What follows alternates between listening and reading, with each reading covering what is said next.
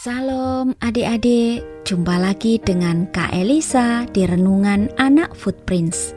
Hari ini kita akan merenungkan tentang pengalaman orang tua. Firman Tuhan diambil dari Kejadian 26 ayat 7. Ketika orang-orang di tempat itu bertanya tentang istrinya, berkatalah ia, dia saudaraku, sebab ia takut mengatakan ia istriku. Karena pikirnya, jangan-jangan aku dibunuh oleh penduduk tempat ini karena Ribka elok parasnya.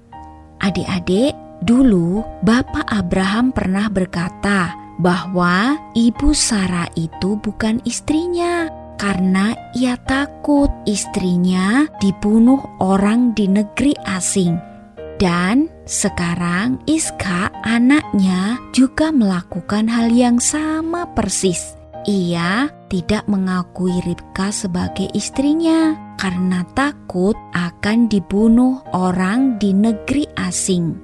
Kalian harus belajar dari pengalaman orang tua, mengambil pelajaran yang baik untuk kalian tiru tetapi tidak boleh meniru kesalahan atau bahkan mengulangi kesalahan di zaman dahulu.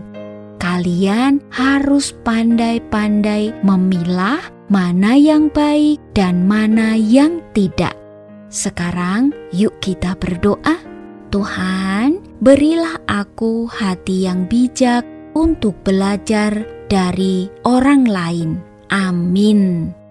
Adik-adik, sampai jumpa di renungan besok ya. Tuhan Yesus memberkati.